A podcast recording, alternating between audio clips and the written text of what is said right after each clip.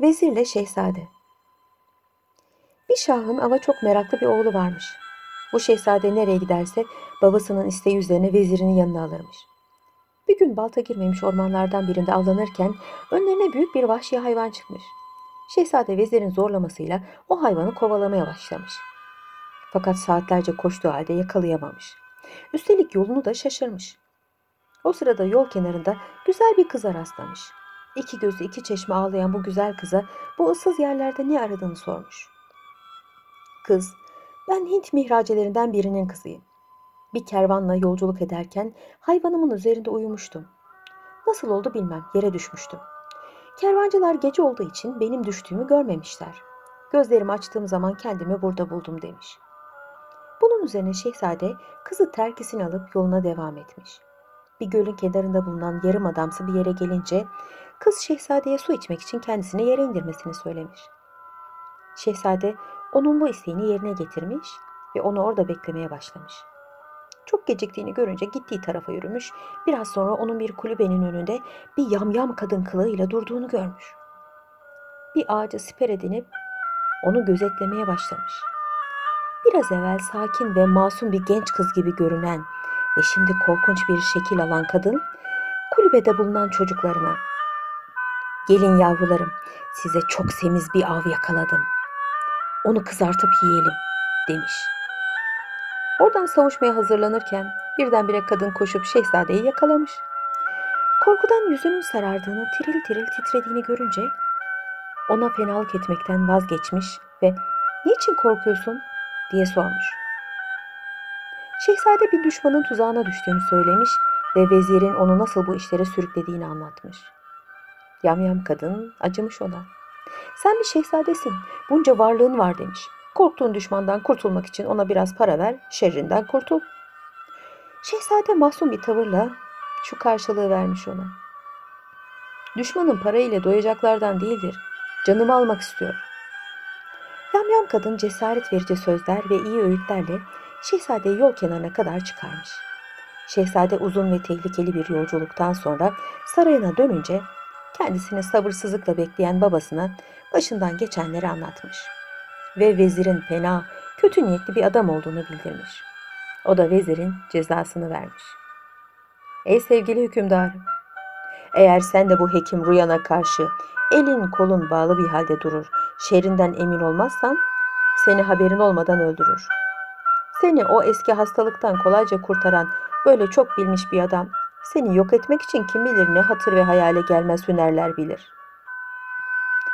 Hükümdar Yunan vezirin sözlerine inanmış olmalı ki hemen sordu.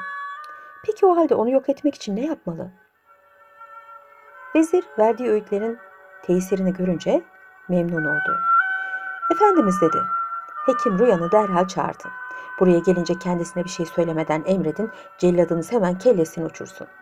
Böylelikle size fenalığı dokunmadan ondan kurtulursunuz. Hükümdar derhal adamlarından birini yollayıp hekimi yanına çağırdı.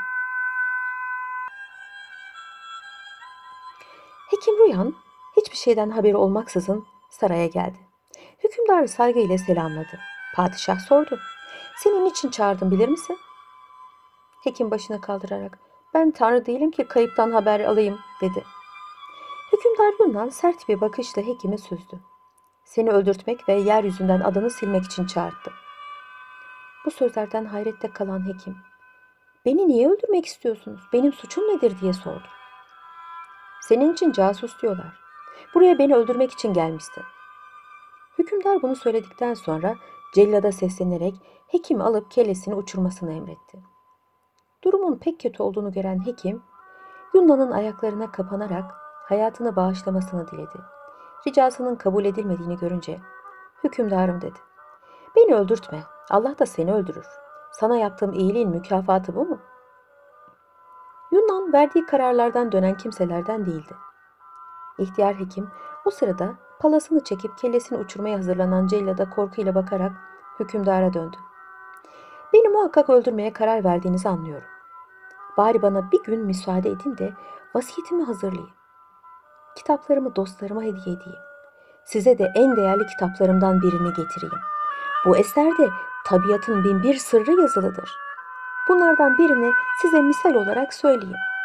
Benim kafamı kestikten sonra o kitabı alır, üçüncü yaprağını açarsınız. Sol taraftaki sayfanın üç satırını okursunuz. O zaman benim kesik kafam dile gelecek ve soracağınız herhangi bir soruya karşılık verecektir. Hükümdar Yunnan meraklandı. Böyle değerli bir kitabı kaçırmamak için hekimin istediği bir günlük müsaadeyi verdi. Muhafızlardan birkaçını yanına katarak evine yolladı. Ertesi gün işlerini bitiren yaşlı hekim muhafızlarla beraber saraya girdi. Hükümdarla devlet adamları onu sabırsızlıkla bekliyorlardı. Hekim koltuğuna sıkıştırdığı büyükçe bir kitapla içinde bir toz bulunan bir şişeyi hükümdara sundu. Sonra kendisine bir tabak getirilmesini istedi. Getirdiler. Hemen onun içine o tozu serpti ve cellada dönerek benim kafamı kestikten sonra bu tabağın içine koy ve tozların üzerine kuvvetle yapıştır. Kanım donar, akmaz. Bundan sonra hükümdar efendimiz verdiğim kitabı açıp içindeki gizli bilgileri okuyacaklardır dedi. Hükümdar sabırsızlanıyordu. Cellada emir verdi. Hekim Rüya'nın başı kesildi ve dediği gibi hazırlanan tabağın içine konulup tozların üzerine iyice bastırıldı. Böylelikle kesilen baştan bir damla kan bile akmadığını gören hükümdar, hekimin kendisine armağan ettiği kitabı hemen aldı. Parmağını ağzına götürüp ıslattı, sonra birbirine yapışmış olan sayfaları açmaya başladı. Üç yaprak çevirdiği halde yazı namına bir şey görmeyince tekrar parmaklarını ağzına götürüp ıslatarak bir iki yaprak daha çevirdi. Fakat birdenbire gözlerinin karardığını hissetti. Yüzü morardı, acı acı inleyerek yere yıkıldı. Kitabın sayfalarına sürülmüş olan şiddetli bir zehirle zehirlenerek ölmüştü. O sırada adeta canlı gibi duran hekimin başı dile gelmiş şu beyitleri söylüyordu. Uzun yıllar hüküm süren ne krallar geldi geçti. Eser kalmadı birinden, teker teker hepsi göçtü.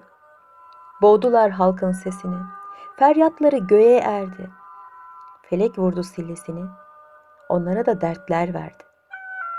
Göçüp giderken dediler, feleğin hiç yoktur suçu. Zulmedenler mihnet çeker, etme bulma dünyası bu.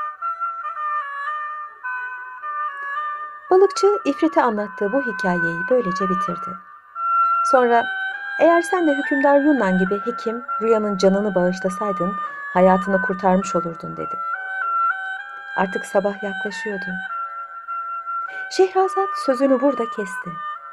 Bunu gören kız kardeşi, ablacığım ne meraklı hikayelerin varmış deyince Şehrazat, yarın akşam sağ kalırsam bak size daha neler anlatacağım cevabını verdi.